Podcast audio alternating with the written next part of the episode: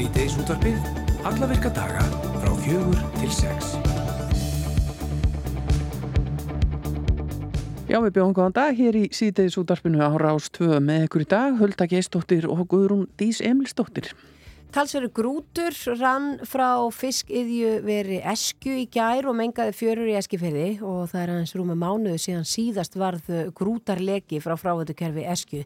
En í þetta sinn er mengurinn öllu verri. Sævar Guðjónsson, gisti húsa eigandi á mjóeiri, er grútspældur yfir því að þetta sé ítrekkað að gerast því þessu fylgir mikill óþryfnaður og vondlikt og við ætlum að heyra í Sævari á eftir til að spyrja hann hvernig hreinsunastar gangi og hvernig umhorf sé á mjóeiri akkurat núna.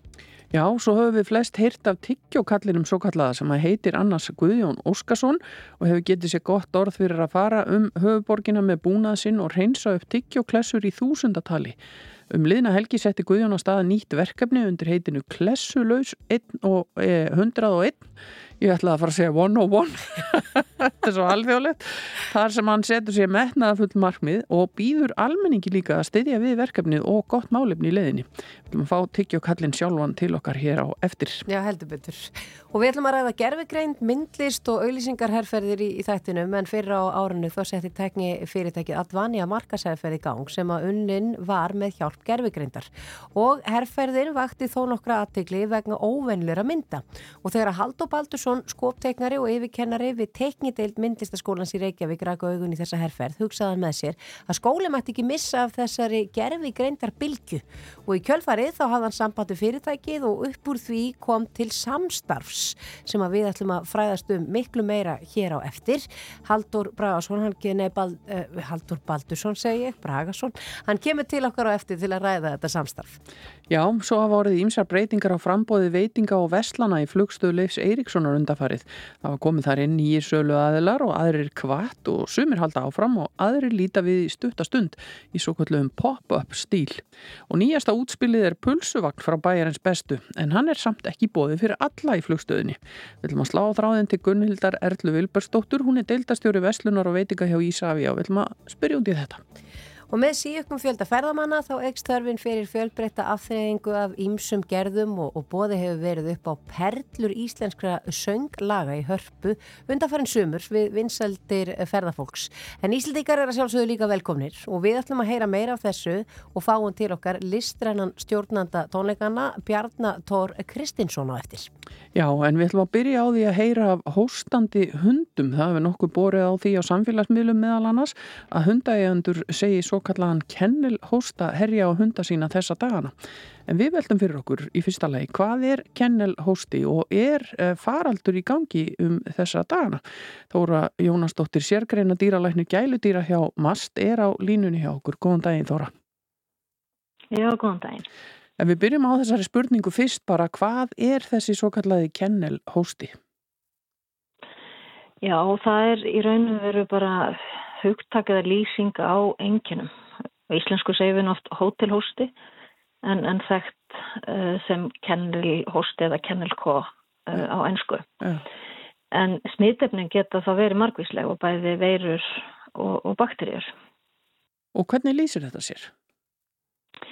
Það er hósti uh, sem er mest ábyrrandi enginni og hann er svona fyrka bráðsmitandi, hann getur smitað með uh, drópasmiti, smitast til til að auðvelda á millihunda mm. mjög oft og er þess vegna, uh, kemur oft upp þar sem að mik, margir hundar eru, eins og til dæmis á hundasýningum eða á hundahótelum og þess vegna hann þetta nafn hótelhústi, að þar koma oftast svona smit upp. Já. Nú er einmitt þessi tími þar sem að, að fjöldi fólks er að fara með gæludýrin sín á hunda og kattahótel uh, vegna sumaleifa. Er eitthvað, er eitthvað að óttast? Er eitthvað faraldur í gangi? Nei, matalastofnun hafa ekki borist neinar ábyrndika frá dýralæknum um að sé eitthvað óvanlega mikið um smitandi hosta hjá hundum þessa myndir. En eftir að við lásum í fjölmiðlum viðvörun hundæganda þá hafum við nú samband við starfandi dýralækna. Mm og það voru ekki mjög margir sem svöruðu en, en það voru flestir sem að svöruðu að það hefur verið fleiri tilfelli í byrjun ás en vissulega eru einhver tilfelli að skjóta upp kollin núna og þá kannski einmitt í tengslum við hundahótelin eða þá hundasýningar sem að oft eru fjölmennar á sömurinn. Mm. Er, þetta, er þetta hættulegt fyrir hundana að fá þetta? Nei, oftast er þetta bara mild enginni sem að ganga yfir á uh, örfándögu. Það eru lang, lang stæstur uh, uh, fjöldi hunda sem að fá svona milda síkingu. Mm. Uh, og flestir hundar hér á landi eru bólusettir uh, fyrir smitandi hósta í grunn bólusetningunum. En það þarf að bólusetja árlega til þess að ná svona viðvarandi vörð. En það er verðt að nefna að það er bara algengustu smitefnin sem er að valda hóstunum sem er bólusett fyrir og alls ekki öllum. Mm. Þetta eins og ég nefndi getur verið mismunandi smitefni. Já, þannig... Í fyrra til dæmis, uh, í fyrra þá gekk uh, eins og margir hefðu af í, í spyrjunni fyrra mjög skæður hóstafaraldur og sem að þess vegna var rannsakaður vegna þess að hversu hratt og mikið hann drefiðist og það reyndist vera koronaveira sem að leggst á önduna færi hunda sem að ekki hafi greinst áður hér á landi mm. og sem sagt skýrði þá kannski þess að akkur hann var svona skeiður mm. en til dæmis við þeirri koronaveiru er ekki til bólefni þannig að þó hundarnir væri bólusettir og þá var það ekki að venda þá mm. fyrir því smiti Nei. En ef maður telur að hundurinn mann sé með þennan kennelhósta sem að er samt ekkit sérstaklega líklegt í ljósi þess að það er enginn faraldur í gangi ámaður þá bara hald honum heima við og, og, og eða ámaður að leta til læknis eða hvernig, hvernig ámaður að snúa sér í því? Já, vissulega eru, við erum með mörg af þessum smittarnum og það eru að koma upp öðru kóru og eins og ég segi sérstaklega kannski ef að hundarnir eru á hótelum eða innan um marga hunda. Um, en Ef hann er að fá mildenginni að þá er rétt að hlýfa hundunum við árenslu og miklum hlaupum á meðan veikindin gangi yfir, svona rétt eins og við erum með hvef pest og líka að reyna að forðast að fara á vinsæl hundasvæði til þess að takmarka dreifingu og, og einnig verðt að huga svona að almennum smittvörnum sem við erum öllarði mjög flinki mm -hmm. vegna þess að fólk getur líka borið smitt á milli hunda og ef að hundar margir drekka úr sömu vaskál eða leika með sama dóti þá getur smitið borist þannig líka. Já.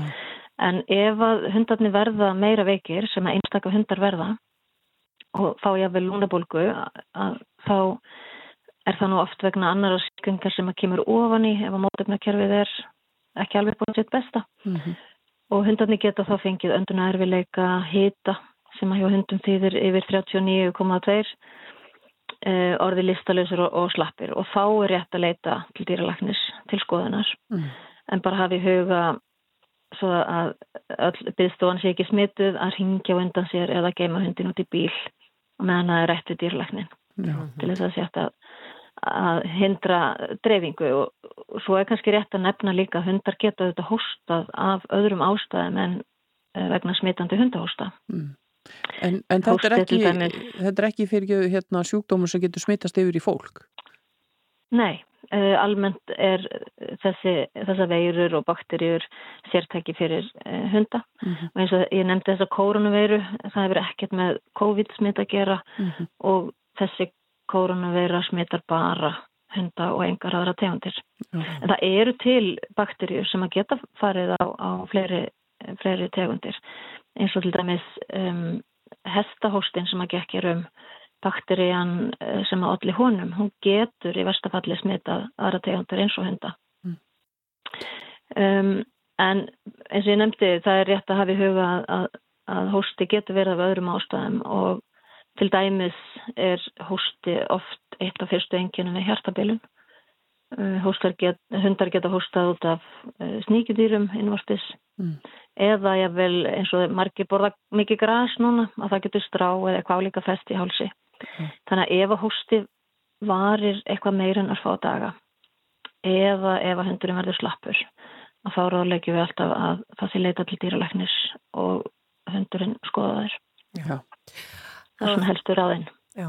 Þetta er mjög gott að vita þetta. Þóra Jónastóttir sérgreina dýralækning gældir að hjá og maður takk fyrir að vera á línni hjá okkur. Takk sem ég leiðis. Já, áhugavert að fara í gegnum þetta svo litið að því að þetta hefur verið svolítið svona ábyrjanda samfélagsmiðlum og, og, og auðvitað ekkert grín fyrir þá hunda sem í þessu lenda en, en góð ráð þarna frá Þóru og gott að heyri henni.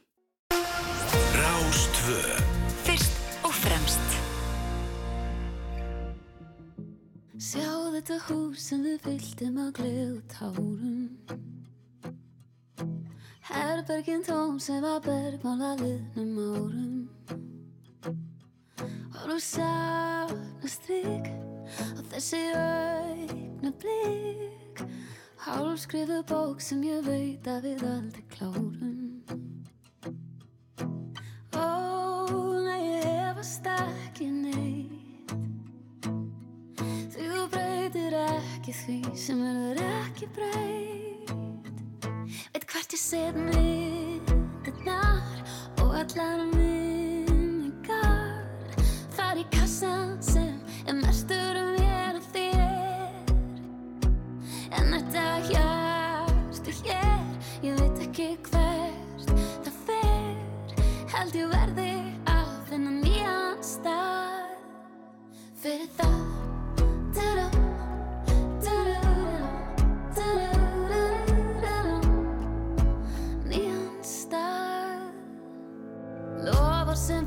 veiast og brotna í bíðu stríðu Hverju skiptum við upp ef að allt mitt var líka þínu? Deilum við forleiði Hefði söknum þig Mun ég elska þig samt þegar hjarta fær stafa nýju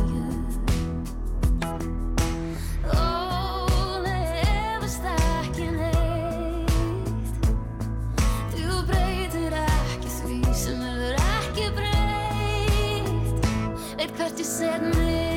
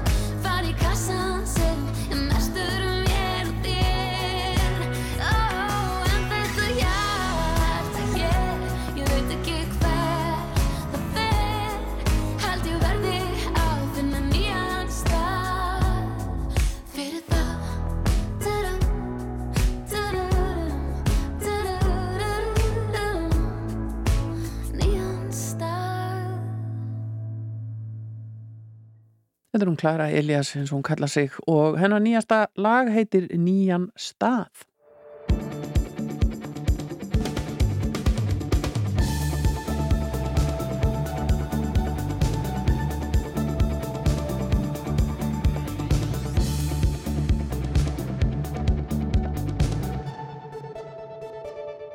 Talsverður grútur rann frá fiskiði veri esku í gær og mengaði fjörur í eski fyrði. Við lásum fréttir af þessu náttúrulega og sáum í, í kvöldfréttum sjómas og það er aðeins rúmur mánuður síðan síðast var eh, grútarleki úr fráveitukerfi esku.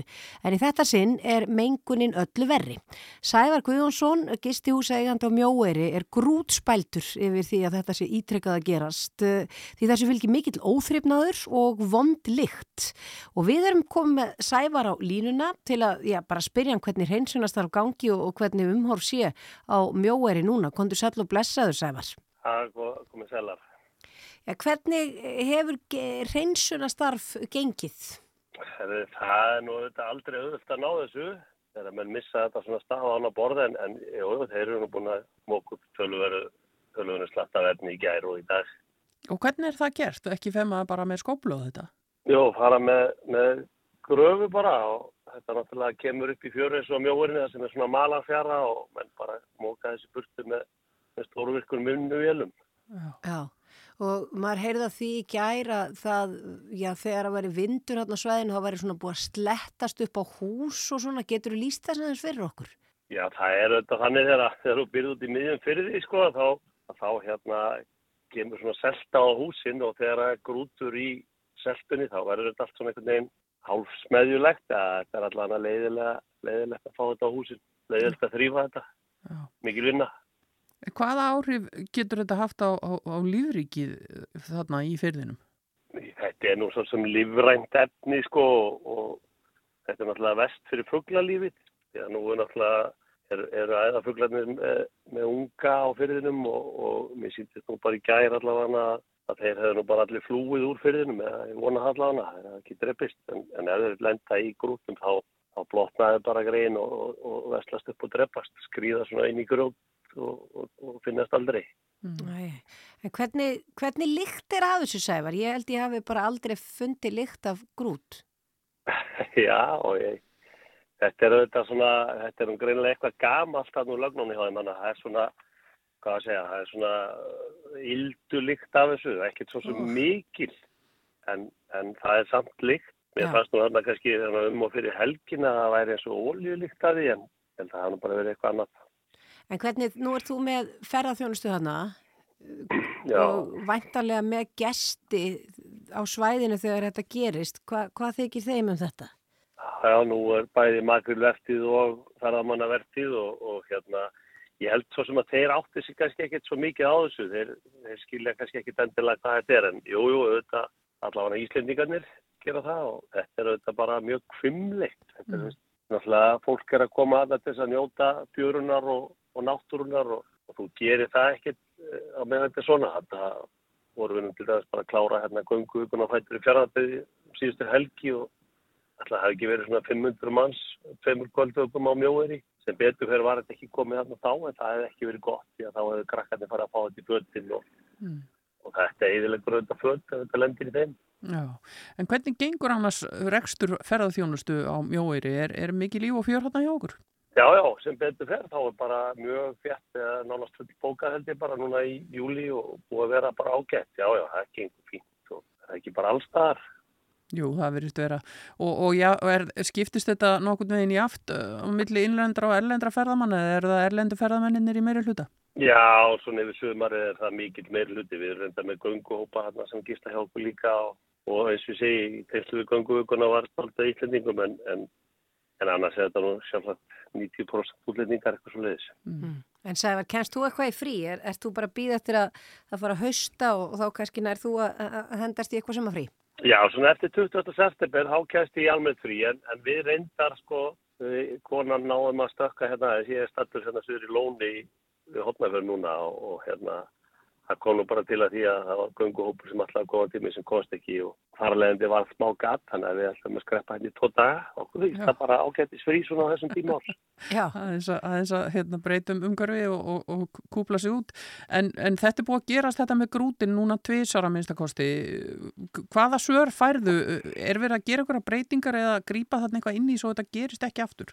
Ég veit það ekki, þetta er ég náttúrulega grútfúll með þetta en, en, en hérna uh, sko fyrirtækið auðvitað verður að finna út úr því hvað er að gerast. Það, þetta er náttúrulega vest fyrir þá sjálfa. Bæðir er náttúrulega verða fyrir tölvöld fjárhastlegu tjóni af þessu vegna þess að í grútnum með lísi og lísi er með verðmætt í dag og þeir vilja ekkert vera að missa þetta fyrir af það náttúrulega þegar þú ert í matalaframnæslu með eitt flottasta fiskuðu verið í heimi að þá þetta vilja menn ekki að þetta gerist. Þannig að ég trúin ekki öðrun að það sé vera vinna í því að finna út úr því en auðvitað mjög bagalegt að þetta skulle gerast eins og við segjum með, með svona mánaða fyrir hérna millibili, það er bara auðvitað ekkit, ekkit í lægi.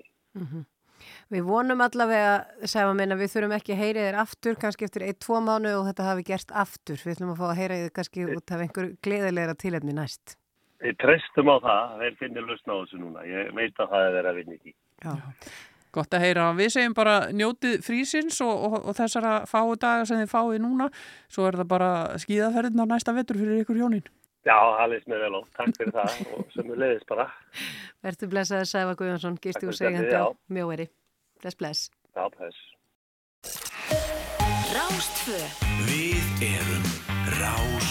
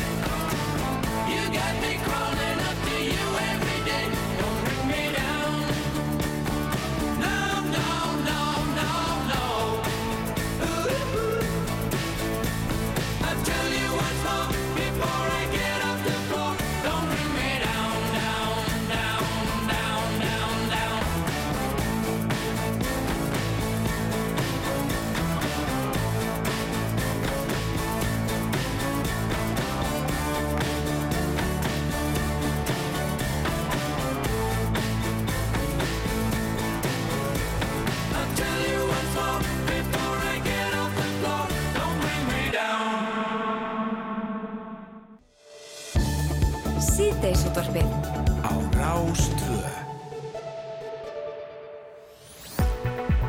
Veðurhorfur næsta sólaringin Já, það komin tífin til að kíkja aðeins til veðurs sem eru auðvitað uppáhalds eh, og minnst uppáhalds umræðaefni allra. þetta, þetta eru mikla sveplur í veðrunu. Ég var að skoða hérna á samfélagsmiðlum aðan og þar sá ég mynd frá Húsavík þar sem bara sömarblómin voru á kafi í snjó.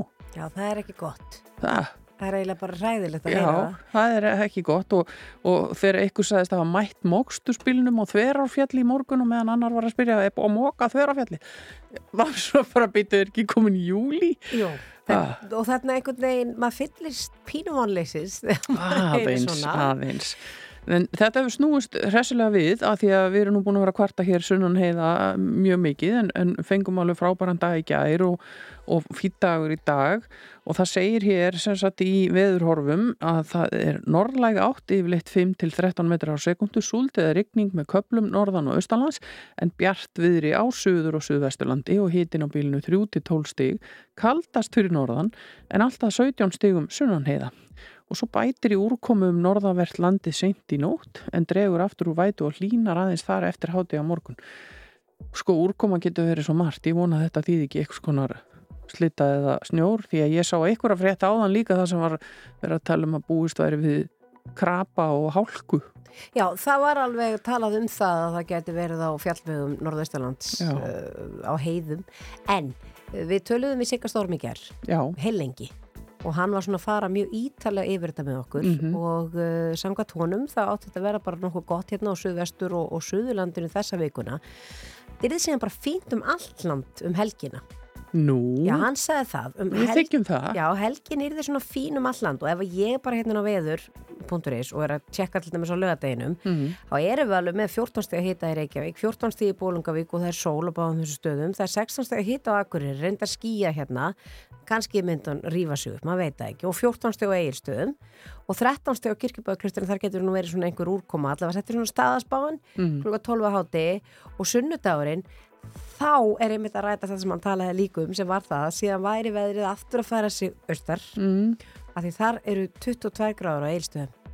Samkvæmt uh, þessi í dag en samt en það er 16 ekki fyrir en eftir nokkra daga. Já, en samt 16 stíð í Reykjavík og 17 á Akureyri og 18 á Kirkjubæðaklustri og þannig að kannski verður þetta svona skaplegt um allat Já. um helgina.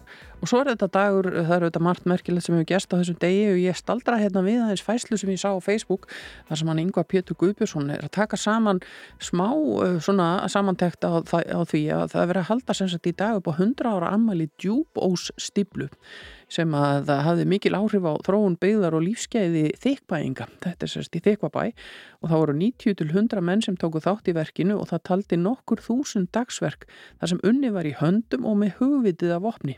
Verkið hófst 27. mæ 1923 og stíplan sem er 340 metra löng og um leið 15 metra breið var fullgerð 4. júli sama ár eða á 5 vikum og með stíplunni var einangrun þykvabæjar rofin, þúsundur hektarar landsþórnuðu með fleiri hundru kilometra skurðargrefti sem að skapaði bændum og landegundum í þykvabæ ótal sóknarfæri í landbúnaði og ekki síst í kartöfluræktinni sem er landsfræg orðin og eina mörgum burðarstóðum atvinnulífs í sveitafélaginu og um, þetta, það er á að halda upp á þetta sem sagt í þykvabænum í dag og það er viksla og sögur, skildi og kaffisamsæti í Íþróttahúsinu núna klukkan 5 á eftir Já. Þannig að við segjum bara til hamingi með daginn, þykbæingar og, og með stípluna ykkar.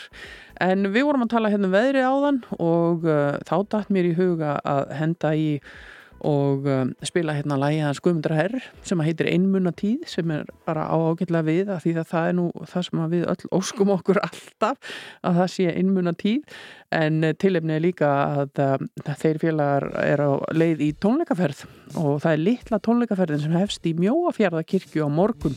Guðmundur er og félagar og svo farið í Djúbávog á fimmtudag T-húsið að Egilstöðum á föstudag og KHB Brugghús í Borgafyrði Eistri á laugarda þannig að spennandi framöndan hjá þeim.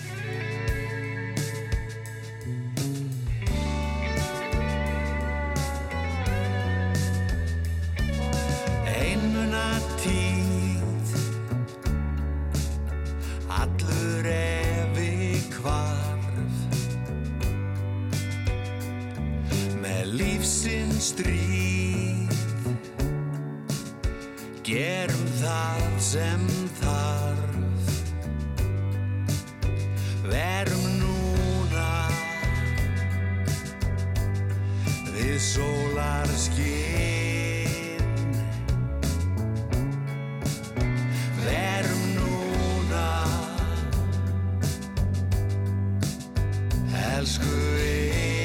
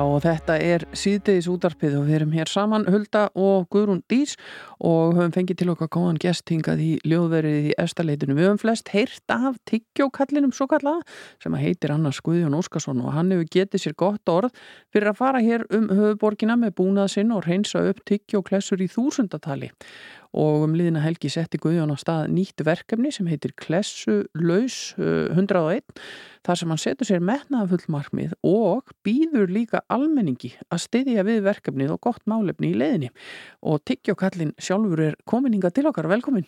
Já, takk fyrir kjölega, takk. Þú ert ennað, Ég er ennað, já. já, hvergi hættur kannski, Hvað séru? hvergi hættur? Nei, nei, alls ekki. en hvað, segðu okkur frá þessu Klessu laus 101 100 Reykjavík fælst í því að ná þessum 38.000 pluss klessum af gangstjötum borgarinnar, af gangstjötum 100 Reykjavík.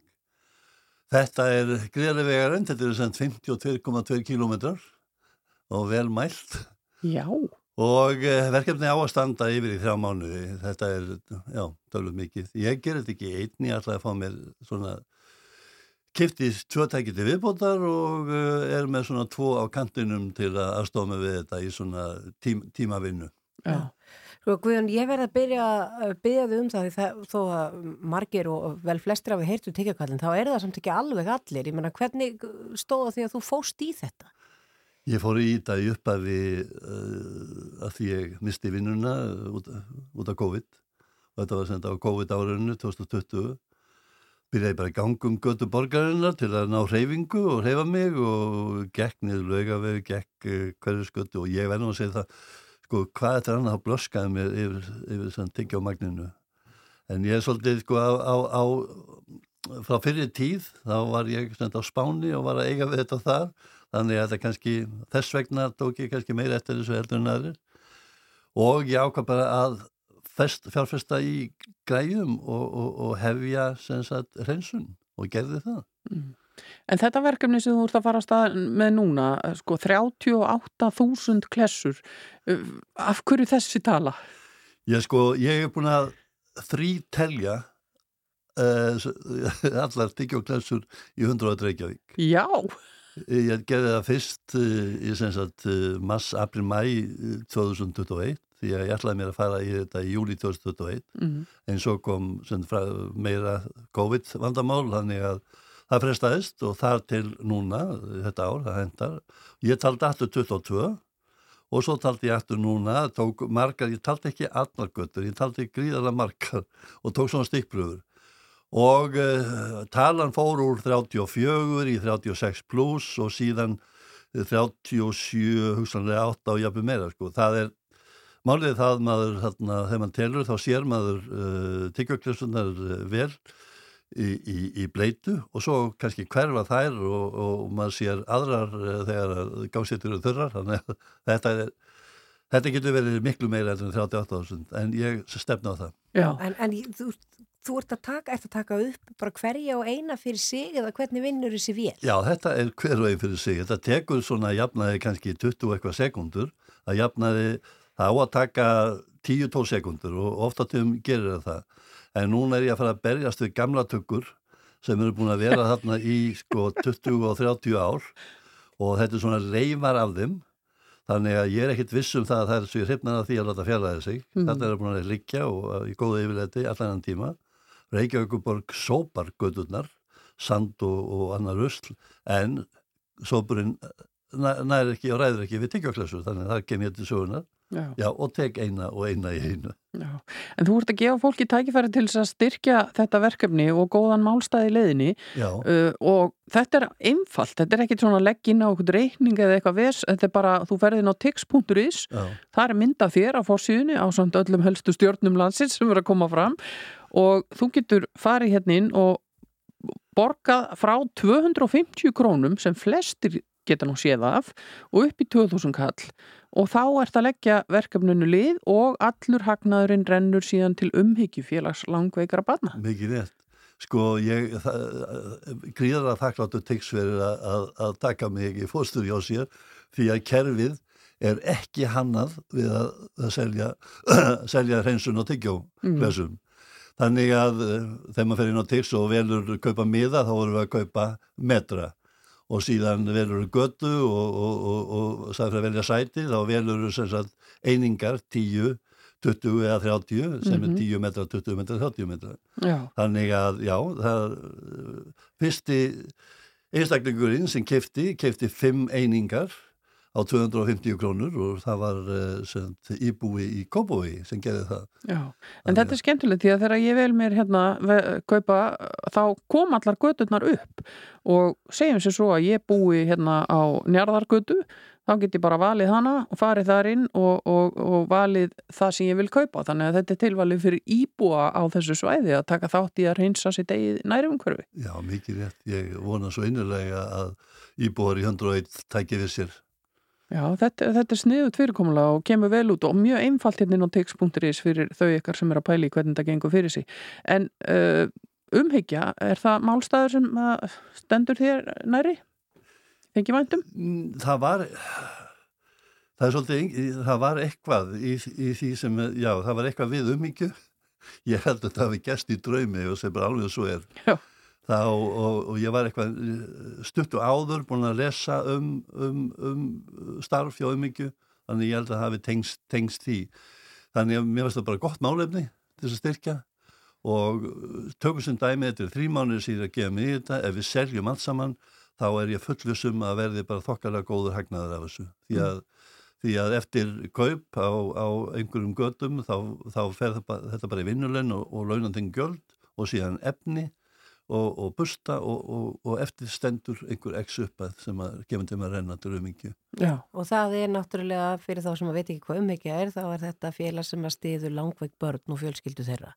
Mikið rétt, mikið rétt. Mjög svo fallegt félag. Já, málstæðurinn góður og verkefnið frábært, ég meina öll hljótu við að vilja hafa snirtilegt í kringum okkur og eins og ég segi að bara ég kalla hér út uh, íbúa á þessu svæði endilega kíkja á þetta ef að ég byggi í 101 þá veri ég búin að kaupa nokkra metra. Já, svo, svo hérna eina okkar síðu, tekjóðuburt.is, þá er líka sem sagt uh, síða fyrir fyrirtæki til að fara inn á því að þá kem ég til með að senda sem sagt uh, greiðsluseðil og, og, og, og svo hérna rekning á það netfang sem að uppi gefið. Þannig að upplættir í fyrirtæki að fara að hanga inn. Þetta er alveg svakalega metnaðafullt hjá þér, ég er ánað með þetta. Hérna, tyggjóðuburt.is, þar er hægt að, að, að kaupa metra og tix og styrkja verkefni til dæmis ef að fyrirtæki vilja leggja uh, stærri framlög í þetta og skoða þetta allt betur. og svo, við, svo er kort hann inn á tyggjói.is þar sem þetta að fylgjast með framgangi mála svo en kortið í dag er mert blátt, það er það sem að ég hef verið að hreinsa fyrir Reykjavíkuborg er verktæki þar fjóra tíma á dag við að hreinsa fyrir þá Mm. síðan er þarna reytast upp með rauðu þegar að verður selt og að lokum lítast það upp grænt þegar ég er búin að hreinsa það. Þannig að kortið er svolítið gaman að fylgjast með því hvað gang, með gangmála flott, maður getur séð þetta alls nei, þetta er uppselt, ég veið að fara að kaupa Já, eitthvað ég, annað. ég bara kaupa eitthvað, eitthvað aðra götu og, og ég, eins og ég segi, ég kvatti þarna íbúa í 101 til þess að kaupa en auðvitað geta við öll keift þó að ég búi í 108 og við báðar, Já, já. þá getum við nú splæst í eitt stíg. Þú heyrði hvað Guðjón sagði, fyrst þess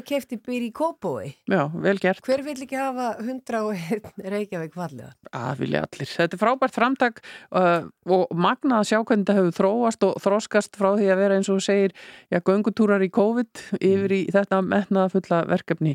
Hægt að sjá þetta allt saman inn á tyggjóðuburt.is og svo inn á tix.is. Takk kærlega fyrir að kíkja á okkur hér í sítiðsútvarfinu. Guðjón Óskarsson, tyggjókallinn sjálfur. Takk fyrir kærlega, takk. Síðdegis útvarpið. Ekki slæmur félagskapur það. Fjögur til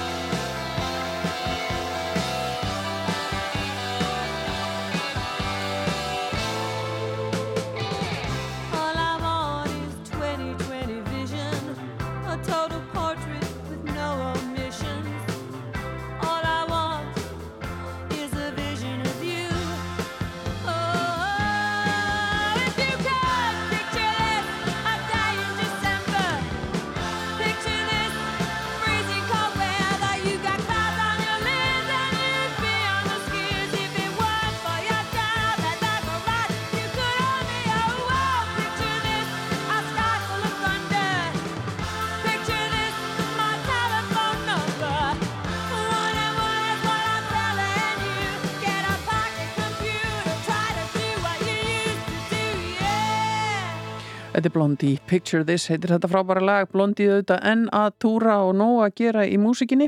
Við ætlum að fara að færa okkur yfir í fréttir hér á slæðinu klukkan 5 heimsögar fáum svo, já, gott spjallum myndlist og gerfigreind, við ætlum að heyra af uh, óperusöng fyrir ferðamenn og ímyndlegt fleira hér að loknum fréttum. Fáum smá Harry Styles fram að fréttum, þetta er Sign of the Times. Just stop your crying, it's a sign of the times. Welcome to the final show. I hope you're wearing your best clothes. You can't bribe the door on your way to the sky. You look pretty good down here, but you ain't really good.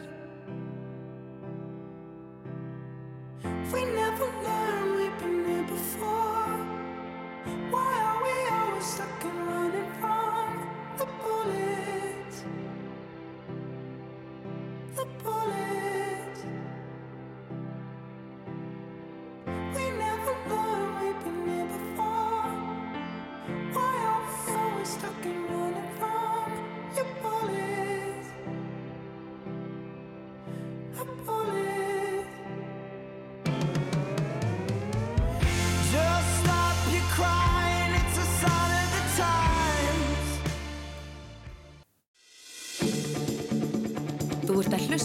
á síðdeis útvarpið Á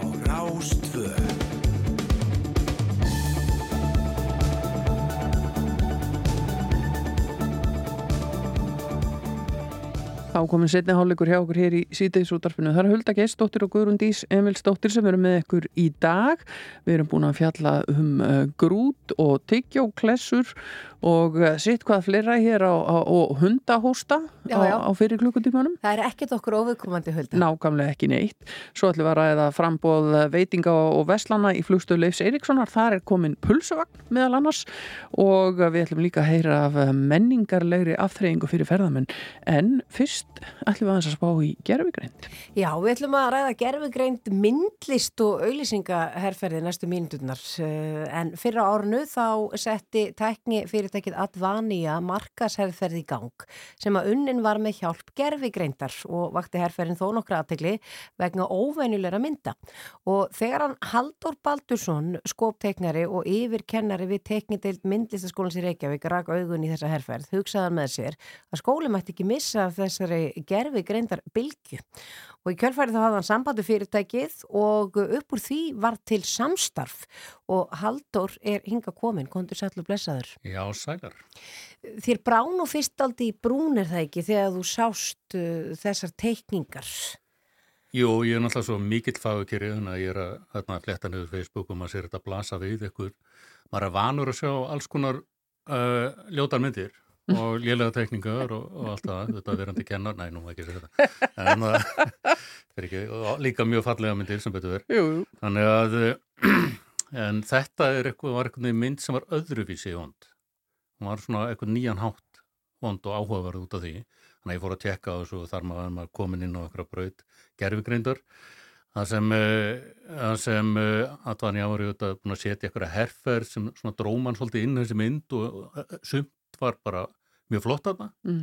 Og, en þessi, þessi mynd, hún var eitthvað ekki við hæfi. Hann hefur að að rannsaka þetta og, og hafði síðan samband fyrir hönd skólans og við fengum góða kynningu á þessu og, og teknibröðin sem skoraði þessa herfer á hólm og hann að krakkarnir fóru og unnu myndir þar sem notu gerfugreind og bættu við svona þessu gamaldags hefni og hugviti sem við erum búin að vera að byggja upp og, og, og svona má, mátu um þetta saman. Já.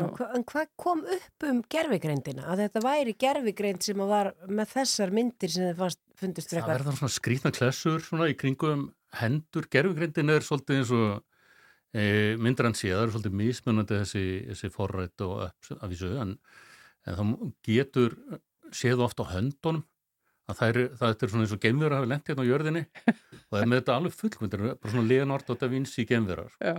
Nema svo sér að það eru sex puttar eða, og þumaputtin er veist, allt og langur og, og, og brotin í miðju og eitthvað svona Mm. Þannig að þeir hafa verið- þetta er ekki alveg komið alla leið sem er bara áhugavert. Við erum að taka þátt í ykkur bylgju af, af, eh, af ykkur sem er nánast svona hinn kreatífa vél er að fæðast þannig að við getum að getum bara sokkið sér ofan í svona dystopískar hugmyndir sem erum búin að ala með okkur hérna með út að fara til fjandans og þetta hafa teiknarar hérna, talsverður áhugir að þessu að þarna sé komið vél sem má alltaf því kalla skapandi. Já.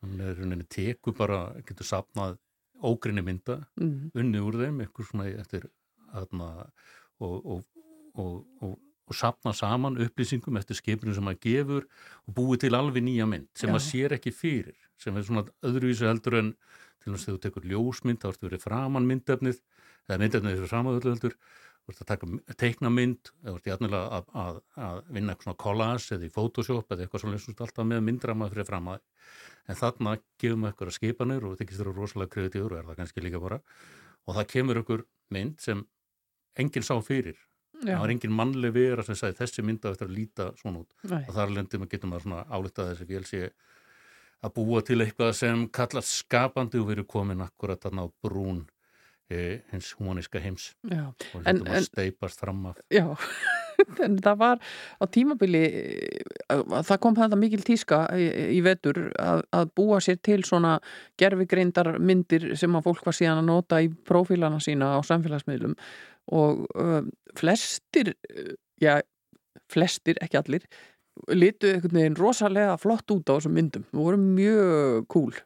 Er þetta kannski bara eitthvað sem við munum sækja meira í við viljum bara Já, já. eins og í, í Photoshopinu og öllu þessu sem týðkast í dag við erum kannski ekki alveg tilbúin í, í, í raunsæjar myndir af okkur sjálfum Þetta er komið til að vera og uh, að vísu eru, eru svona til aktivistar sem er að berjast gegn gerfugrindinni og hérna vilja losna við þetta al- alfarið og sérstaklega kannski sem ég voru var við í, í gegn teikninguna, það er þetta óttast margir að missa vinnuna.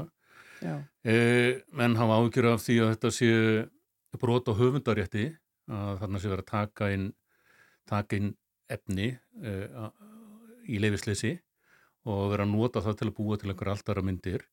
Þetta getur verið svolítið erfitt að meta af því að þetta er náttúrulega búið að leysa þessar myndir upp í frumyndir og, og skapa einhverja nýja myndir en í öðrum tilfellum er kannski meira og meira stuðst við Mhm. kannski einhverja reyfingar, það kemur animation eða eitthvað þannig. En uh, og svo í öðru liti er uh, Európa samtíð byrja að setja lög reyndar sem eru sko, til að venda fólk gegn, gegn því að sé vera kannski búið til meiðandi myndir af fólki þetta, þetta gerir mjög raunsæða myndir og játnilega þjálfa á auga Mhm. eh, greinir ekki alltaf munin á hvort að gerðugrind sé á bakvið eða ekki en sem komið mjög erfitt að stjórna þessu við erum að búa til eh, segjum einhverja mynd sem, sem ég sem listamæður sér fyr, sé fyrir mér þá ég svolítið erfitt með að framkalla nákvæmlega þá mynd með gerðugrind sko. Mm. ég get eiginlega ekki tekið eh, nú gert aðeins tilurinu með að nota það var náttúrulega mjög ísi fyrir mig þetta, að sleppa yfir að gera alltaf þessa brandara á, á, á vísi sem ég er að gera núna og bara láta Gervigreindin um Já, það? Getur hún verið Ég líka? það, er, það er hæðilegt sko. Já, það bara gengur alls ekki upp. Þannig ég íst að halda áfram að teikna. Já, Það- sem betur fyrir sig Já, ég held það líka. Ég held líka að fólk vilja hafa þetta samband við listamannin. Að listamæðurinn er, og manneskjurna þá er ekki bara að tala um listamann, heldur bara allt, gerðuginn kemur þetta svo víða við sögun í dag og við viljum vita að sé eitthvað manneski sem skrifa þessa lærður ítgerðin, ekki bara vél, við viljum vita hvort það er að, þarna, ég held ég nenni ekki að fara á þessa þarna, tilbúnu Tarantino mynd sem Brad Pitt leikur að tilbúin gerðugrindar Brad Pitt leikur ég hefur fólk áhuga á því Mm. vilt sjá hold og blóð eitthvað starf finna fyrir, fyrir því að þarna sé manneski á bakvið eða sé En eitthvað mennst hvernig þarna á bakvið tóku þá nefendur þínir sem að ég reikna með að já, þetta er, þetta er listneikt fólk og þetta eru listamenn, bara myndlistamenn og, og, og jafnvel listamenn á öðrum sviðu líka. Hvernig tóku þeir því þegar þú segir við þá, já, við ætlum að fara að vinna hérna með gerfigrindinni? Já, bara áhuga sögum, auðvitað. Ég held að svona skapandi fólk hljóta að hafa áhuga sögum. Mm. Þetta er, þetta er, þetta er áhugavert, það er ekki takt að lýsa þessu öðruvísi, sko, það, sé að búa til einhverja myndir á þennan hátt, þetta er viðbót og, og, og þessi nefndur nýttu sér þetta eins og það er þetta fólk sem er komið í, í diplomanámi í teikningu í myndliskóla Reykjavíkur, að það er fólk sem hefur gaman að teikna. Þetta er fólk sem vil svona grúa sig yfir pappír og, Mm. og nota bara svona hefðbundi tól og tæki við að byggja upp sína teikningu það er það sem við erum að gera í þessum skóla og e, þá kemur það þannig fram að þessir nefnendur sem ég átti alveg eins von á að þeir nota gerfgrindina til að stilla upp búa til senur, hjálpa sér með að, að skapa eitthvað rými, skapa eitthvað karakter eða eitthvað sem þið gáttu síðan teiknað eftir og farið með lengra Mm. og það held ég að sé svona allavega fyrsta skrifið hvernig listamenn eru mikið að nota þetta ég sé þetta er margir að búa til eitthvað flottar hérna, myndir úr með Journey orðinu og setja inn á Instagram og eitthvað svona allt er svo sætt og flott sko. Mhm. og, og það er ekki annað að ásta því en það verður svolítið einslegt þú finnur að þetta er þarna er, er vélinn við, með völdin í bíli en meðan við höfum manneskjuna eitthvað stærlega til að taka við og byggjum áfram upp þessa hæfni sem við erum að gera þarna í skólanum og það sem við erum að læra og bara njóta þess að teikna myndir eins og alltaf Mm. það var ennþá erindu og við höldum áfram að nota það með ég, ég hef trú- fulla trú á því allavega Já. þetta óþólandi björnsýtt reyndar Ertu farin að vinna næstu mynd dagsins fyrir vísi? Það er nú, það er nú næg að taka það ekki til þess að teikna og gera skopmyndir af akkurat núna. Nú, erstu með ykkur hugmyndir? Nei, ég er bara að veltaði fyrir mig. Ertu byrjaðar að vinna að einhverju? ekki teiknað hérna tiggjóklæsumann sem þið voru að tala um hana í dag það væri nú Já. alveg sko. 38.000 tiggklössur. Já, mér finnst það einhvern veginn vera eitthvað í því ég þarf aðeins að Hugsa skoða, þetta. skoða. Að skoða þetta. Kaupir er nokkra metra af tyggjóklesum Já. hjá honum og svo, svo leggst í þetta. En, en svo við víkjum nú aðeins, svona stígum aðeins út af brautinu ára við kveðinu að því við erum að tala um þetta skopmyndirna þínar. Þetta, sko, okkur finnst pressa að finna efni í svona þátt á hverjum degi. Hvernig er að finna eitthvað fyndið en samt svona kannski svolítið Beitt. beitt og teikna það og segja brandara að, daglega? Mm. Það er ávani sem að byrja að eiginlega maður byrjar að tilengja sér þetta sem barn og þetta, teikna okkur degi, hafa gaman að teikna og svo verður þetta bara mitt samtal svolítið, þetta er bara eitthvað sem ég nota svona svolítið sjálfkrafa. Mm. En jú, ég ætla ekki að neyta því og það er alltaf svona smá moment sem er svona hvað á ég að teikna í dag, þetta er örugglega síðasta myndi múin að teikna tíðus myndi þannig að þetta er örugglega ekkert í hug núna, núna aldrei aftur en það kemur alltaf eitthvað. Já, það kemur alltaf eitthvað. Allavega eitthvað sem fara okkur til að brosa. Já, já, í vestafalli þá getur þú bara að fara í gerfugrindina og láta hann að bjarga þér fyrir hot. hot. Það væri nú aðeins betri, Það er kannski oftar í því. Já, en mjög áhugavert spjall og, og pælingar í, í, í sambandi við uh, gerfugrindina og myndlistina í þessu samhengi. Við segjum bara gangið vel með þetta og þínum nemyndum og verður spennandi að fylgjast með framtíðinni á þessum vettvangi. Haldur Baldursson, uh, teiknari, takk fyrir að koma til okkar. Takk fyrir. Allt það helsta. Síðdeis útvarpið Frá fjögur til sex á Rástvö. Barist á móti vindi. Þannig lífið er En nú er ég stattur hér. Já Og það leikur allt í lindi Þakka fyrir það Ég er góðum stað á Því að ég er sáttur Að hafa náð. Hinga leiðin þyrnum var stráð Oftast nær tóks mér samt að segra Ég hafði ráð Hjá mér, hjá mér, hjá mér. Þú átt að elska þig eins og þú ert Og rækta þína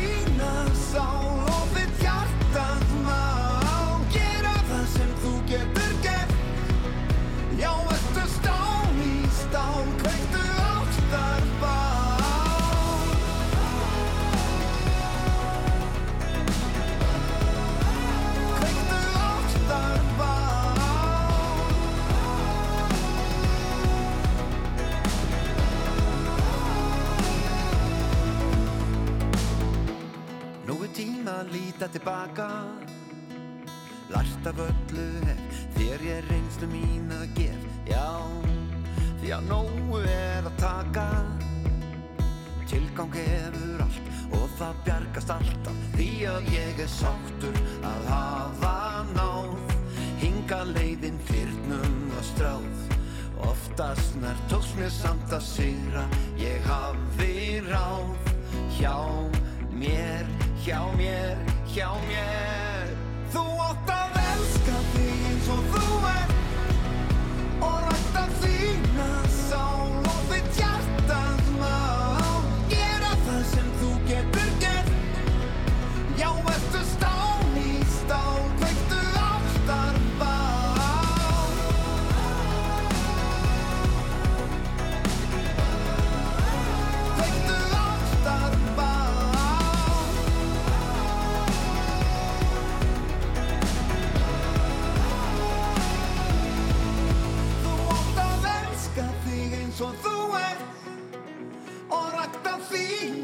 sál og þitt hjartans mál Gera það sem þú getur gert.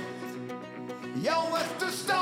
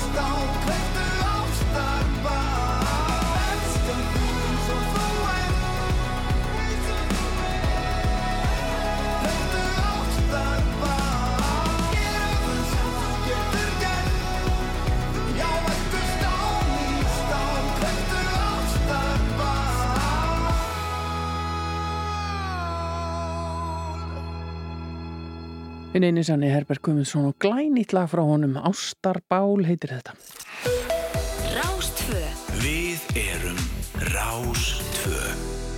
Síauknum fjölda ferðamanna eikst þörfin fyrir fjölbreytta afþreyingu af ýmsum gerðum og það hefur verið bóðið upp á perlur íslenskra sönglaga í hörpu undanfarin sumur við miklar vinsaldir ferðafólks.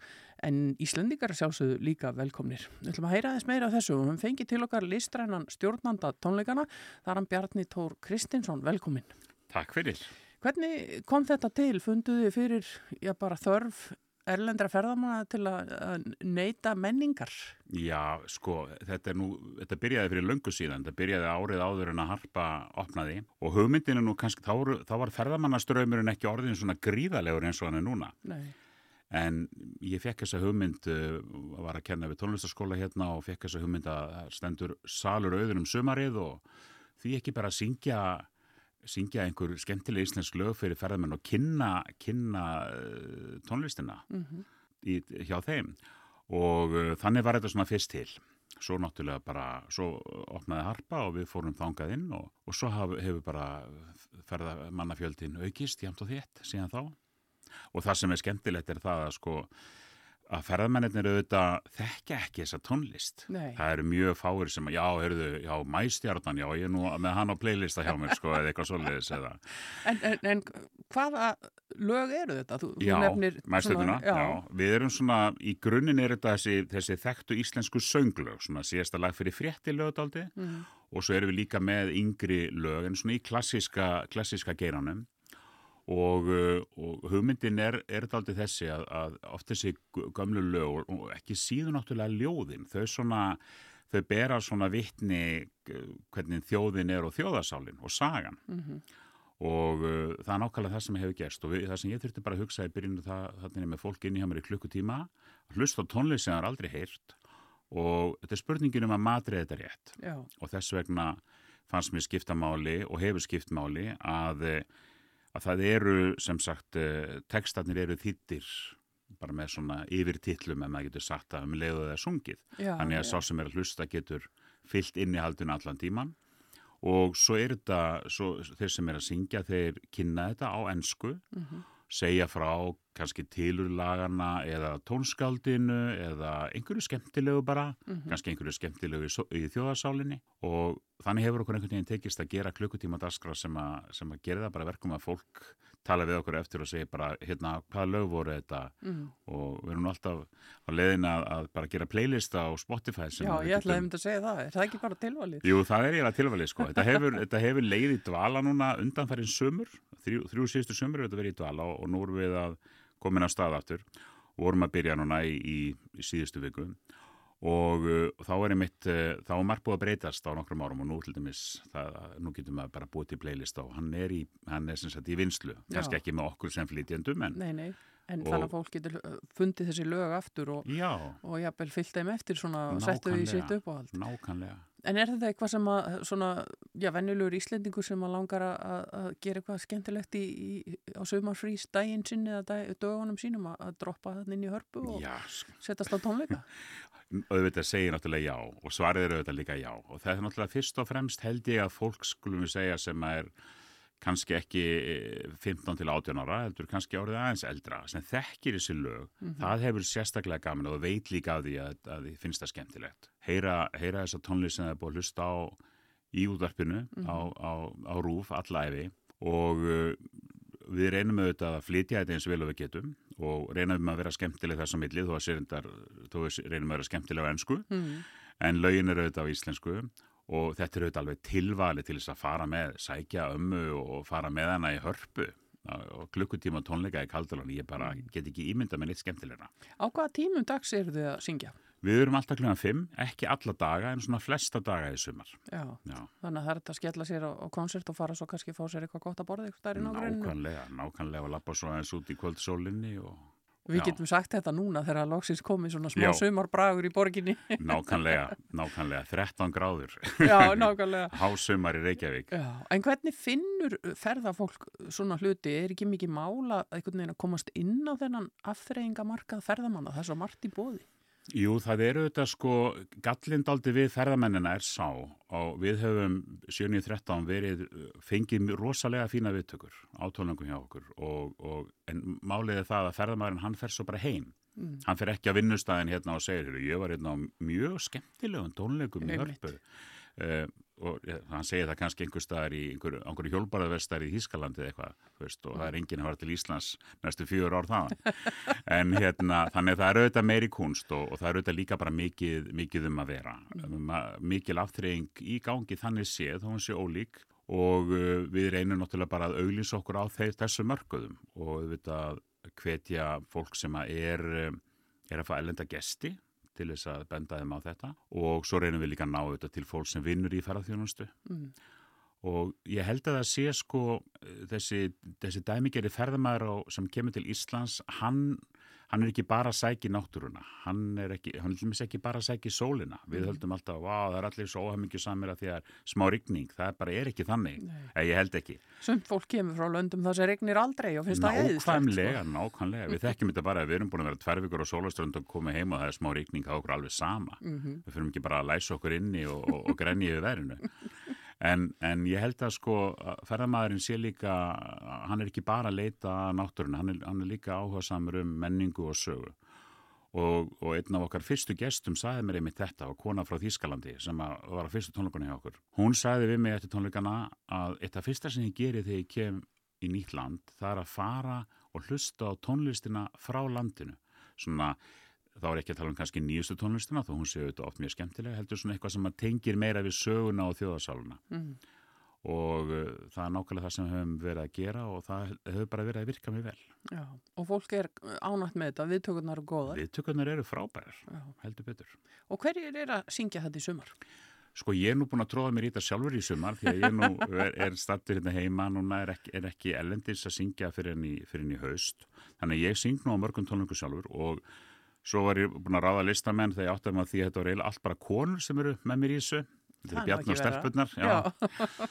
og ég er til dæmis uh, þessa vikuna er ég að syngja með söngkonu Kristínu Sveinsdóttur. Þóra Kristín Gunnarsdóttir er að spila á píano, það er alltaf tveir söngvar og einn píanisti, svo Hanna Dóra Sturludóttir er sönguna, Lilja Guðmundsdóttir uh, Jóna Kolbrunadóttir þetta eru allt ungar listakonur sem eru í blóma síns ferils núna Mhm. og ég er náttúrulega í mínu svona síðblóma ef við getum sagt það það, En- er- er, er fallet haust hjá mér núna Já, en er það ekki samt þannig að, að, þó séum komin aðeins út fyrir efnið hérna núna að, að þetta er aðeins mismunandi eftir í hverslagsöngvari þú er, ert hvað þú endist ef við getum orðað þannig. Þú ert bassasöngvari, Já. þú ert kannski lengur góður sem bassi. Lengur svona, já, maður, maður, er, maður er lengur ráðinn sem Já. bassasöngvari og ég held að sé svona eh, dekkri rættirnar eru fá svona lengra líf daldið. Mm. Það hefur svona verið reglan, það eru undantekningar auðvitað á því. Já. En það er nákvæmlega þannig. En að því að þú nefndir að þú færir aftur utan í haust, þú ert auðvitað búin að vera að vinna sem óperusöngvari út um allan heim í áratögi. Uh, hva, hvað er á borðinu hjá þér í haust þegar, þegar sumarsöngnum líkur? Já, ég, það eru tvö fínu verkefni sem ég með fyrir áramót. Uh, ég er að syngja, það er enda sama hlutverkið á tveimur, í tveimur mismunandi uppfæslum. Það er í Ring Vagnes í óperunni Valkyrjunni, hlutverk Hunding eða Hundingja sem er mikið ómenni. Já. Og ég er annars verið að syngja það á, á stóri óperuháttíð í, í Þískalandi í, í borg sem heitir Fussen við, við höll sem að heitir Neuschwanstein sem er svona fyrirmyndin að Disney-höllinni. Já, já, Ekki þessi fræga, fræga. flotta höll í, í Bæjarlandi Já. og svo er ég að syngja nákvæmlega sama hlutverk í nokkra konserta í Kína einhver staðar mjög austalegi í Kína og nú ætlum ég bara ekki að reyna að muna nafnið á borginni. bera það fram. það er, já, bera almennilega fram sko, ég held að séu 30 miljónir sem búið þarna í þessari borg og kring og ég er mitt að fer þanga líka í vettur að syngja. Já. Það er saman hlutverk, það er hann vonda kall, þannig að ég fæ að syngja vondu kallan út um allan heim. Já, en þú syngur fallegu íslensku söngperlunar hér heima og nýtur þess að sumri til. Uh, hvar getur fólk uh, kynnt sér þetta og, og, og náð sér í miða ef það hefur áhuga? Já, það er langþægilegast að fara bara á vef hörpu og þar heitir þetta annarkort Perlur íslenskra sönglaga eða Pearls of Icelandic Song. Já. Og ég náttúrulega eins og ég segi, þetta er náttúrulega tilvæli til að fara með, sækja ömmu og afa eða frengu og frenda og svo náttúrulega gerist það auðvitað þegar yngra fólki fer að það segir, já, þetta, þetta var nú bara ekkert svo leðilegt. Þetta slapp fyrir hot. það slapp alveg fyrir hot. Já, já, rakið fyrir mann þegar ættingjarnir koma frá útlöndum að- kíkja þetta. Engin spurning. Takk kærlega fyrir að gefa þið tíman til þess að teilla þér hérna hjá okkur í síðdeis útvarpinu á Rás 2. Bjarni Tór Kristinsson, listrætt stjórnandi fyrir þennan viðbur, Perlur Íslenskra sönglega. Takk fyrir mig. Rástfö. Fyrst og fremst Við erum Rástfö.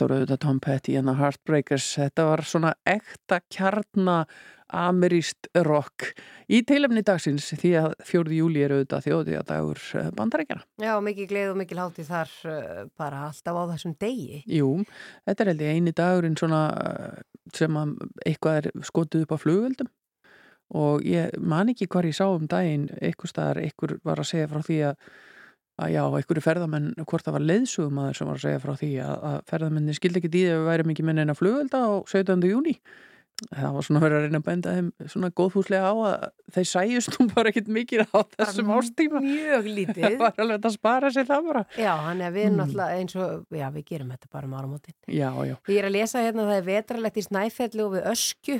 Það er Mm. snæfi þakin jörð, blasti við í Snæfelli í morgun og það er líka hansi vetralegt og kalt við ösku. Og landverður segir að það hafi kólnað óvenju hratt eftir blíðu í júni.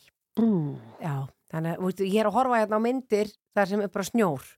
já. Veit ekki alveg, þetta er, þetta er ekki gott. Ég, maður hefur áhyggjur af uh, náttúrulega fuglunum og, og sögindinni. Já, og plöntunum og gróðrinum og Já. allu þessu. En þetta á nú vonandi ekki standa eh, lengi yfir. Þú, þú varst nú að reyna eitthvað lengri inn í vikuna þarna og, og þá leiti þetta betur út. Já, já, þetta lítur allt saman miklu betur út. Þannig að þetta verður orðið skaplegt vonandi alltaf um helgina. Já, við, við tristum á það. En hér á eftir ætlum við að ringja Jana Gunnildi Erlu Vilbergsdóttur, hún er uh, deildastjóri verslana, verslunar og veitinga hjá Ísafja og hefur uh, með það að gera hva, og ætlar að segja okkur bara hvað er í bóði þarna í flugstöðunni núna, það er auðvitað hálf þjóðin á ferðinni í sömafríjónu sínum, ekki bara innanlands heldur utan Já. og nýjasta útspilið er pulsuvagn í flugstöðunni. Ég er gríðlega spennt fyrir því. Það er búið að vera að breyta þetta aldrei miklu þannig sem er bara gaman, staðins að ferska þetta alltaf við, við og við, en pilsuvagn, ha? Þú segir pilsu, ég segir pulsu. Já, það má. Það má, það má. Ég veit ekki hvort að það ætti að verkja þessa vagna með svona pilsu, skástyrk pulsu. Já, kannski. Ha, ég hef einhvern veginn alltaf vannist í að tala um pulsuvagn. Er það? Já. Mist, ég, ég kann vel við pulsuna, mist, Já. mist pulsa og uh, hlýlegt og svo líka, við notum pulla líka bara alltaf mikið. Pulla? Já, fá sér hérna pullu. Ég, ég hef svo sem alveg heyrt það, en í mínum huga pulla það er eitthvað svona sem er í sófa. Eru þið bara mikið að að smjata á því að það hefði að þér? Eina pullu maður. Ha. Eina pullu með öllu. Já, já, já. Við, nú langar mér í pulsu, bara því þú voru að tala um þetta. Ég er hann söng. Fá þér eina djúbstekta með ost og krytti og, og hérna franskum. Ég fæ nú bara verk í kransaðarnar við að hugsa um þetta en allt er þetta nú gott í hófi við heyrum meira af því hérna á eftir við ætlum að fá svolítið meira af skemmtilegri tónlist við ætlum að fara í lag sem að um, er uh, svona sumarlegt og skemmtilegt það heitir Ég var að spá og það eru Sístón, Rakel og Jói P. sem koma hér saman. En ég tek honum með opnum örmum og einnig hugsunum um þig Fyðringur kýtla mig. Því með þér þá vefst mér tunga milli tanna en mér er alveg sama því að þetta er eitthvað annað. Ég vil læra nýja hlutum með þér drepa stundum með þér fá nýjan litið lífið leysa þrautum með þér sækjum aftur berskuna rifjum upp dagana og skrifum sínal sögum Tímum tíma, tíma þarf ekki að eiga sér stað. Tíma, tíma þarf ekki að hugsa til svar. Tíma, tíma þarf ekki að eiga sér stað. Tíma, tíma þarf ekki að hugsa til svar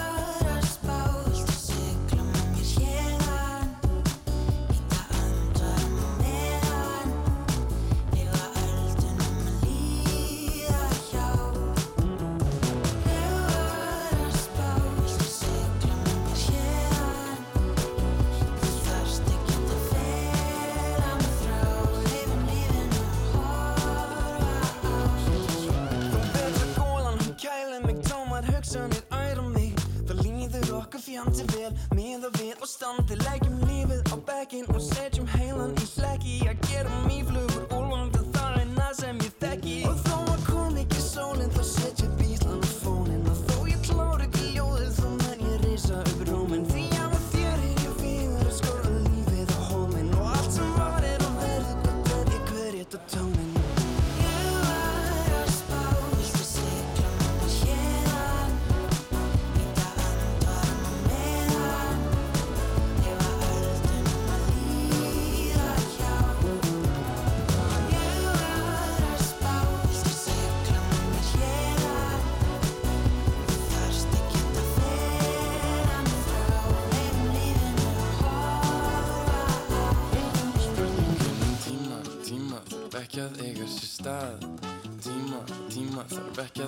til svar. Tíma, tíma þarf ekki að eiga sér stað. Tíma, tíma þarf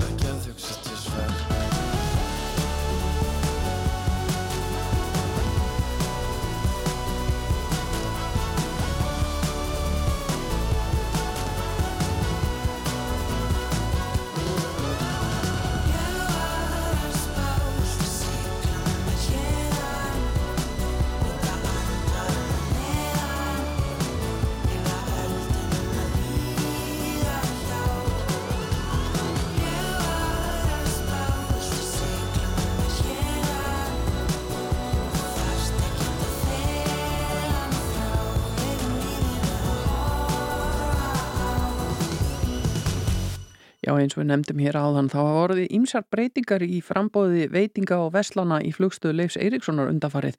Þar hafa nýjir sölu aðilar komið inn og aðrir kvart, sumir halda áfram og aðrar líta við í stuttastund í svo kallum pop-up stíl. Og nýjasta útspilið er pulsuvagn frá bæjarins bestu, en hann er þó ekki í bóði fyrir alla, hvernig sem það virkar nú allt saman. Við höfum fengið á línuna hjá okkur Gunnildi Erlu Vilbursdóttur, hún er deildarstjóri veslunar og veitinga hjá Ísafi og ætlar að segja okkur meir um þetta. Góðan daginn Gunnildur. Góðan daginn. Já, við byrjum bara á þessum pulsuvagnum. Við vorum reyndar að, að svona aðeins að kýta hérna um sko hvort maður segir pulsa eða pilsa. Hvar, hvar stendur þú í því máli? Personulega er ég pulsa.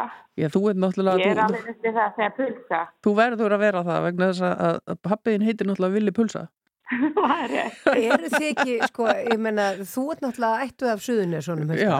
Já, þar er, er kannski bara sagt pulsa á Suðunessunum. Þar er allavega pulsuvagnin sem, að, sem að er með unu. Þess vegna eru þið pulsukellingar og meðan ég er pilsukelling. þú er pilsukilling norðar og austar sko.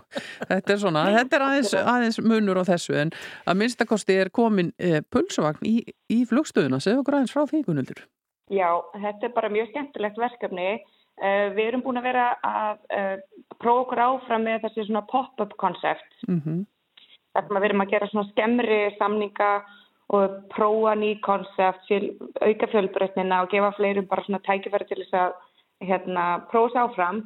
Uh, við erum búin að vera með búin að hluti af 10-11 núna í marga mánuði þannig að það er kannski ekki alveg rétt að þetta sé ekki í bóði fyrir alla nema þessi, þessi tiltakni pulsuvagn, hann er á þessu svæði þar sem að Ameríku og Bretlandsbrottfærinar eru frá Mhm.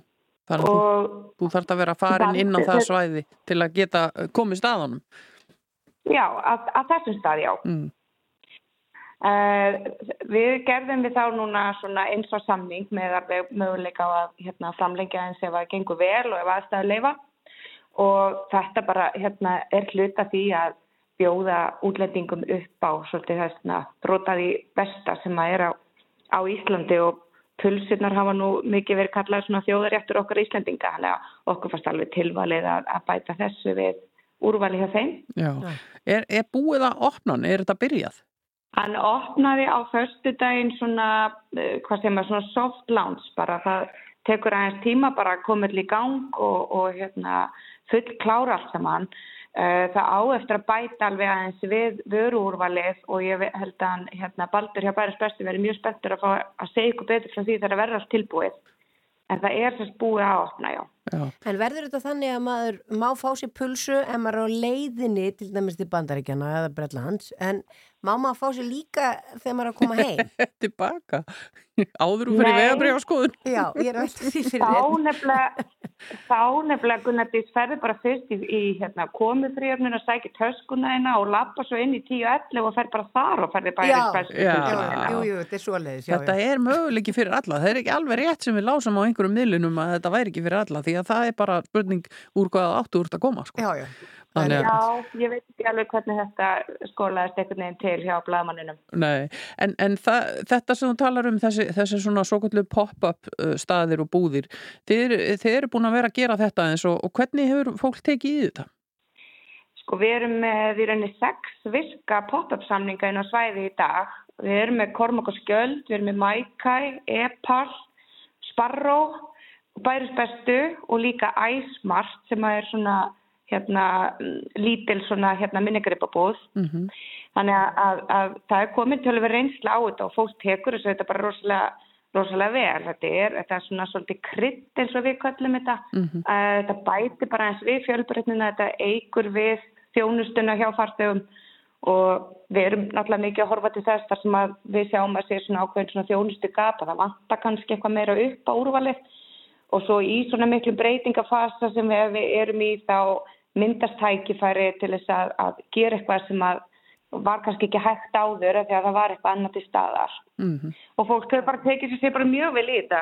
Já, þau hefur gaman á þessum breytingum. Og er þetta þá, þá bara svona tímabundi sem þessi staðir eru og þá kannski koma aðrir síðar? Já, já, aðri síður þarna eða einhver starf öðru svæðum, eins og ég segi, við erum náttúrulega bara eins og þið hafi kannski fylgst með að standi alveg rosalega miklum breytingum Mm á mörgum svæðum.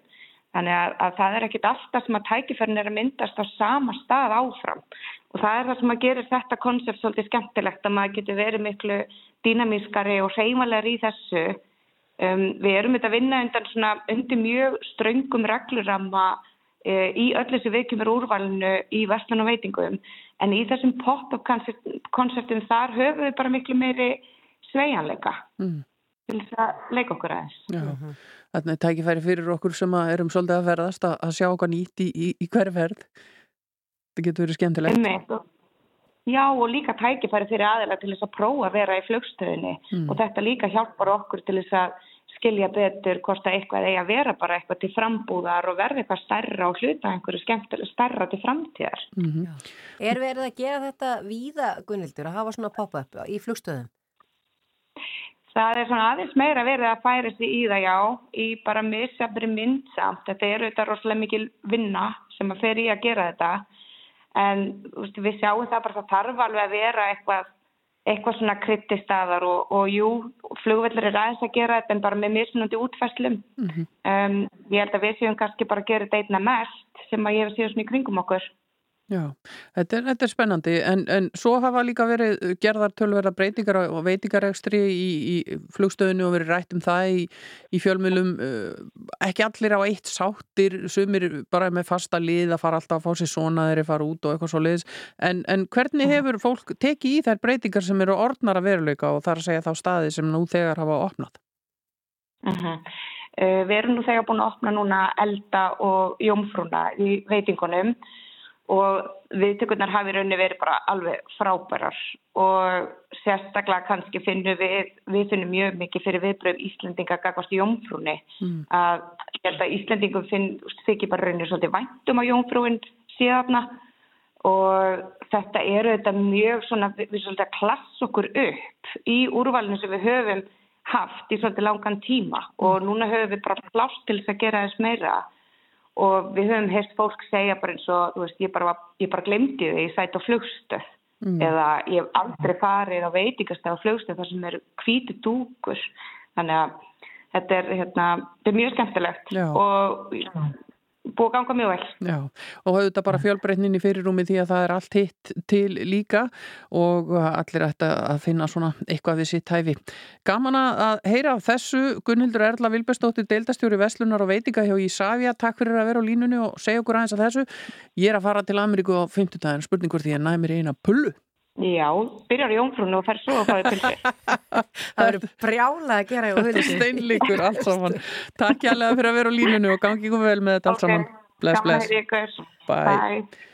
Já, gaman að þessu. Þú voru kannski bara að taka hálfa, það er að taka hálfa bröðsnið á jómfrunni í stæði fyrir heila, Já, fara svo í pilsuna. já, eða mæta bara rosalega snemma þannig að ég hafi svona kannski tvo tíma þannig á milli eða svo. Ég þarf að fara, ég þarf að, fara að hugsa þetta, það er, að- það er heim. Síðdeisútvarpið. Frá fjögur til sex á Rás 2.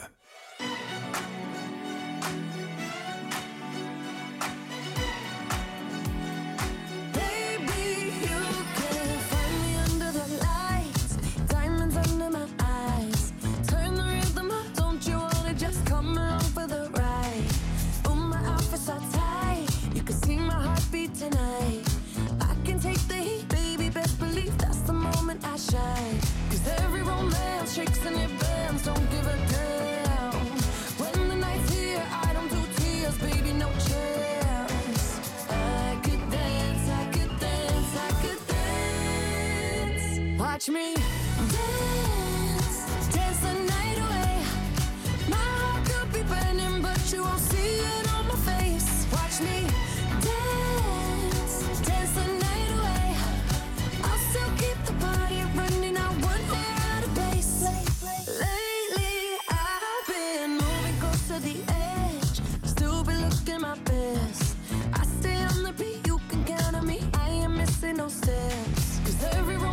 and. Don't give a damn. When the night's here, I don't do tears, baby, no chance. I could dance, I could dance, I could dance. Watch me dance, dance the night away. My heart could be burning, but you won't see it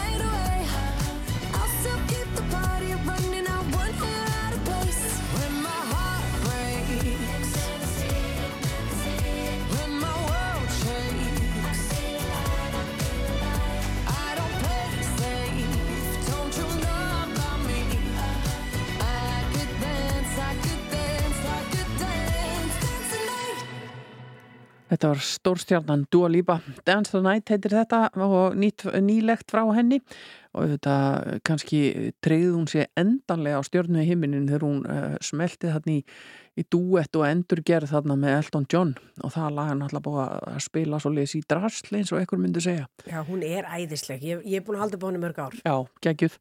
En uh, það er bara komið að lokum hjá okkur í sítiðis útarpinu. Við erum búin að vera hérna saman Hulda og, og Gunnandís uh, með ykkur frá því klukkan fjögur. Við erum búin að tala um allt mögulegt. Við fengum tyggjókallin til okkar. Hann sáðu okkur frá já, áhugaverðu verkefni sínu, Klessulaus 101 og það er bara hægt að fara inn á tix.is og skoða þetta þar sem hann er að gera. Þetta er alveg stórsniðu. Hann er að fara að reynsa 38.000 tyggjóklessur. Já, við erum búin að kaupa okkur. Ég er búin að kaupa mér hérna. Já, já. Við ætlum að að kaupa okkur einhverja metra af tyggjóhreinsun. Þetta er, þetta er stórsniðut og allt eh, til styrtar góðu málefni líka. Umhyggju. Já, og við rættum grút og mengun í eskifyrði, við töluðum um gerfigreind og myndlist og hvernig það, það getur unnið saman og í sikur lægi. Svo vorum við að tala hérna við hana Gunnildi Erlu Vilbersdóttur hjá Ísafja um þennan nýja pulsuvagn uh, í, í lefstöð og, og uh, ég var náttúrulega að, skjóta eins á hana þarna vegna þess að pappi hennar og hennar fjölskylda eru búin að reka pulsuvagn í ára tugi og það er pulsuvagninn og þess vegna segi ég náttúrulega pulsa Já, eðlilega. Já. Já, þú veist, við erum að tala hérna við fagmanneski fæinu. Já, og svo fekk ég skilabúð frá okkar allra bestu útaskonu Andreu Jónsdóttur þar sem stendur pulsa og upprópunamerki Já, hún er, er hún ekki hérðan einhver stöðar? Já, hún er á Suðurlandinu Já, hún er ekki austan. Þannig að þú ert í minni luta, Gunna mín í Miklum. þessu stóra máli Miklum. Og svo var það hundahóstin, við vorum líka fjallað eins um hann. Já, fjöllum um, um uh, hundahósta, það er ekki faraldur í gangi en, en ástæða fyrir fólk að, fylgjast vel með. Við tölum um, um söng fyrir ferðafólk og, og, og sitt hvað fleira þannig að það er búið að vera fjölbreytt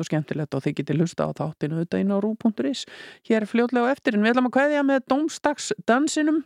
Þetta eru Seleps og lag sem að uh, naut mikil að vinsalda í söngakefni, söngakefnin í ár og uh, við verðum svo hér saman aftur á morgun á sama tíma. Takk fyrir að hlusta. Heimurinn tifar, hann snýst ekki bara í ringi. Dansgólfið viðar, babe, á meðan ég spila á sirgi.